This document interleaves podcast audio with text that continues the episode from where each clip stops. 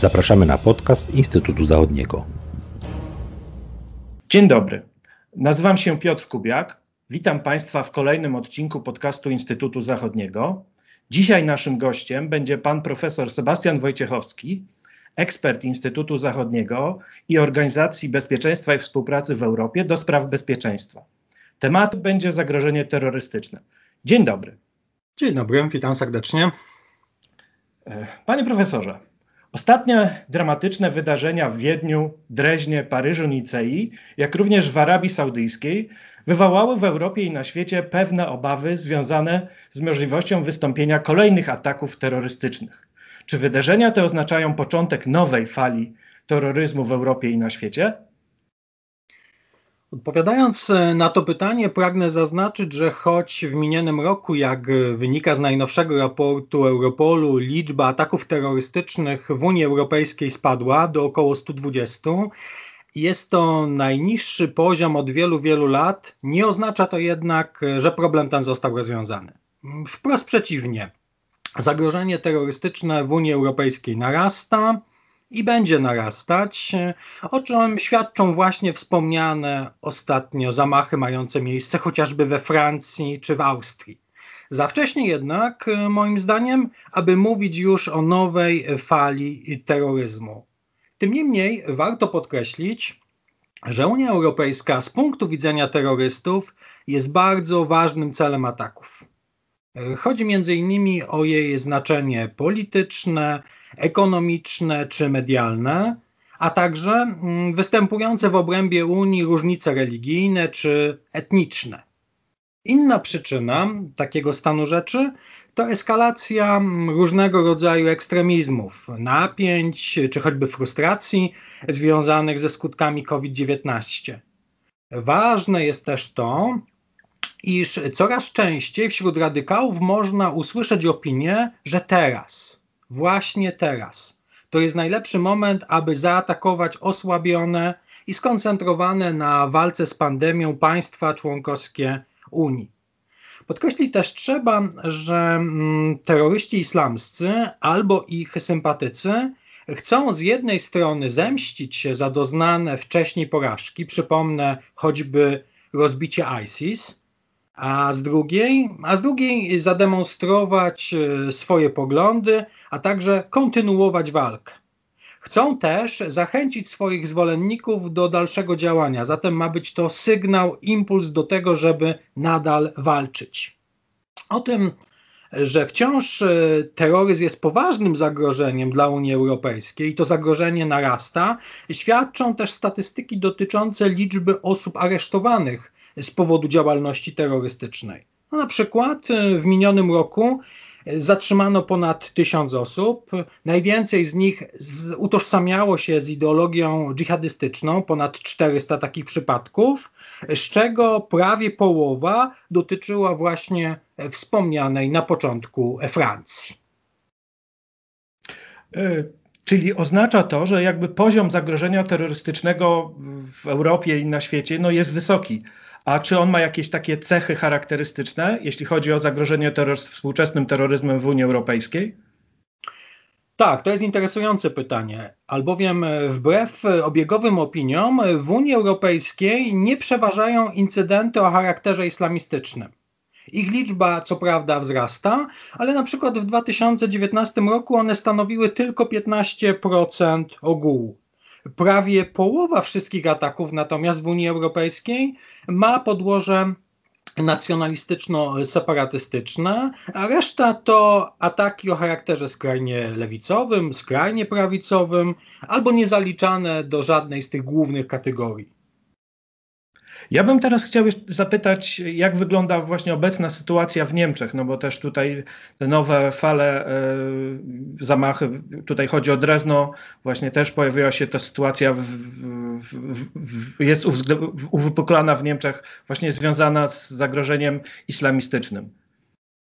No cóż, e, Niemcy to bardzo interesujący przypadek albowiem występuje tutaj cały szereg błędnych przekonań czy stereotypów, Zatem jest to chyba dobra okazja, żeby obalić kilka spośród nich. Na przykład, nie jest prawdą, że Niemcy są szczególnie częstym celem ataków terrorystycznych. Na przykład w minionym roku były to trzy incydenty spośród 119, które miały miejsce na terenie całej Unii Europejskiej, a w 2018 to były tylko dwa incydenty ze 129.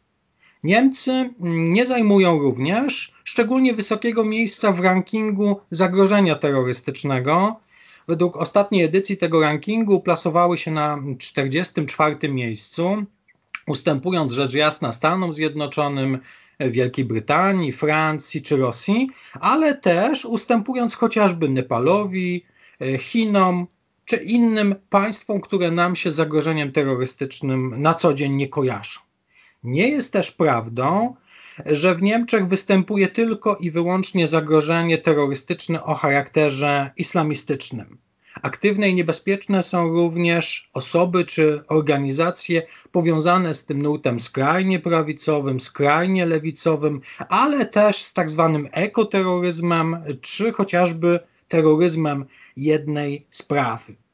Niewątpliwie jednak poziom zagrożenia terrorystycznego w Niemczech narasta i ten wzrost ma przede wszystkim charakter z jednej strony islamistyczny, a z drugiej strony skrajnie prawicowy. Zwraca na to uwagę zarówno Europol, jak i Federalny Urząd Ochrony Konstytucji który na przykład kilkanaście dni temu opublikował bardzo interesujący raport, z którego wynika, że liczba islamistów w Niemczech wzrasta i obecnie kształtuje się plus minus na poziomie około 28 tysięcy. Zdaniem niemieckich ekspertów około 2000 z nich stanowi realne zagrożenie terrorystyczne, a zatem są to takie osoby, no, które trzeba kontrolować, monitorować, a w przypadku zgromadzenia odpowiednich dowodów aresztować. Teraz chciałbym zapytać o sytuację w Polsce. Jak wygląda na tle państw Unii Europejskiej zagrożenie terroryzmem w Polsce? To ważne i ciekawe pytanie. Polska w rankingu zagrożenia terrorystycznego zajmuje jeszcze bardziej odległe miejsce. To jest 106 lokata. Y, oczywiście w Polsce mają miejsce ataki terrorystyczne. Na przykład w zeszłym roku był to atak o podłożu skrajnie prawicowym. Dochodzi też do aresztowań osób na tym tle. W zeszłym roku cztery takie przypadki odnotowano. Dwa o podłożu islamistycznym, dwa o podłożu skrajnie prawicowym. Ale powiedzmy sobie szczerze, na szczęście nie są to częste przypadki. W mojej jednak ocenie poziom zagrożenia atakami terrorystycznymi w Polsce będzie wzrastać. Dlaczego tak sądzę? Sądzę, że z jednej strony będą narastać działania różnego rodzaju ekstremistów, chociażby na kanwie trwających obecnie marszy czy też protestów. Z drugiej zaś strony będzie wzrastać ryzyko ataków o podłożu islamistycznym ono może być w znacznym stopniu powiązane z rozszerzeniem amerykańskiej obecności wojskowej w Polsce.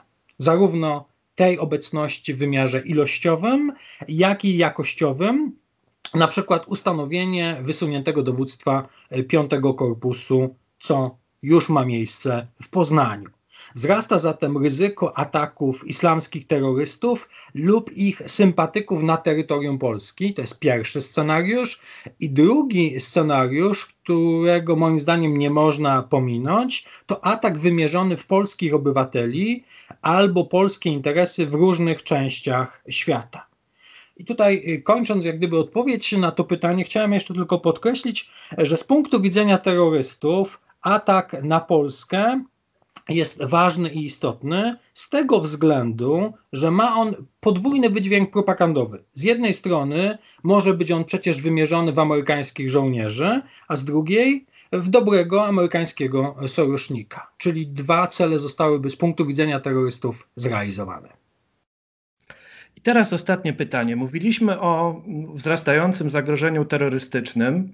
Teraz mam pytanie właśnie. Jakie środki podjęła, czy też podejmuje Unia Europejska w walce z terroryzmem? Mm, to kolejna ważna kwestia. Unia Europejska i państwa członkowskie od lat podejmują zintensyfikowane działania na rzecz zapobiegania i zwalczania terroryzmu, na przykład w sferze formalno-prawnej. Odnoszą na tym polu sukcesy, o czym świadczy na przykład to, że nie tak dawno brytyjskie służby poinformowały, że w ciągu trzech ostatnich lat udaremniły 25 prób ataków. Francuscy koledzy dodali, że oni statystycznie raz w miesiącu neutralizują próbę ataku terrorystycznego, ale ale bardzo mocno i zdecydowanie trzeba podkreślić, że te działania są niewystarczające. Należy jeszcze bardziej, co oczywiście w dobie pandemii jest szczególnie trudne, zwiększyć przekazywane na ten cel środki, rozszerzyć personel, czy chociażby, co jest istotne, udrożnić przepływ informacji, zarówno między państwami, jak i ich służbami. Trzeba również w jeszcze większym stopniu kontrolować i przeciwdziałać radykalizacji, która na przykład ma miejsce w internecie, w meczetach, szkołach, więzieniach itd. itd. Nie można też, co niestety zdarza się często w Unii Europejskiej, popełniać podstawowych błędów, jak choćby rezygnować z monitorowania, na przykład na skutek braku środków finansowych czy etatów, osób y, potencjalnie podejrzanych, które jednak później przeprowadzają ataki. Przypomnę, z taką sytuacją mieliśmy do czynienia ostatnio w Wiedniu, kiedy właśnie okazało się, że sprawca był już wcześniej karany i był notowany za działalność islamistyczną. Największym jednak zagrożeniem, w mojej ocenie, a zarazem wyzwaniem dla służb są osoby, które utożsamiają się ze skrajną ideologią i są gotowe stosować terror, nie głoszą jednak publicznie swoich poglądów. Takie osoby najtrudniej namierzyć, takie osoby najtrudniej monitorować i one bardzo łatwo rozpraszają się w anonimowym tłumie, na przykład w dzielnicach muzułmańskich francuskich, belgijskich y, czy niemieckich, niemieckich miast. Bardzo dziękuję za interesującą rozmowę. Państwu serdecznie dziękujemy za uwagę i zapraszamy do słuchania kolejnych odcinków podcastów Instytutu Zachodniego. Do usłyszenia. Do widzenia. Dziękuję bardzo. Do usłyszenia. Dziękuję.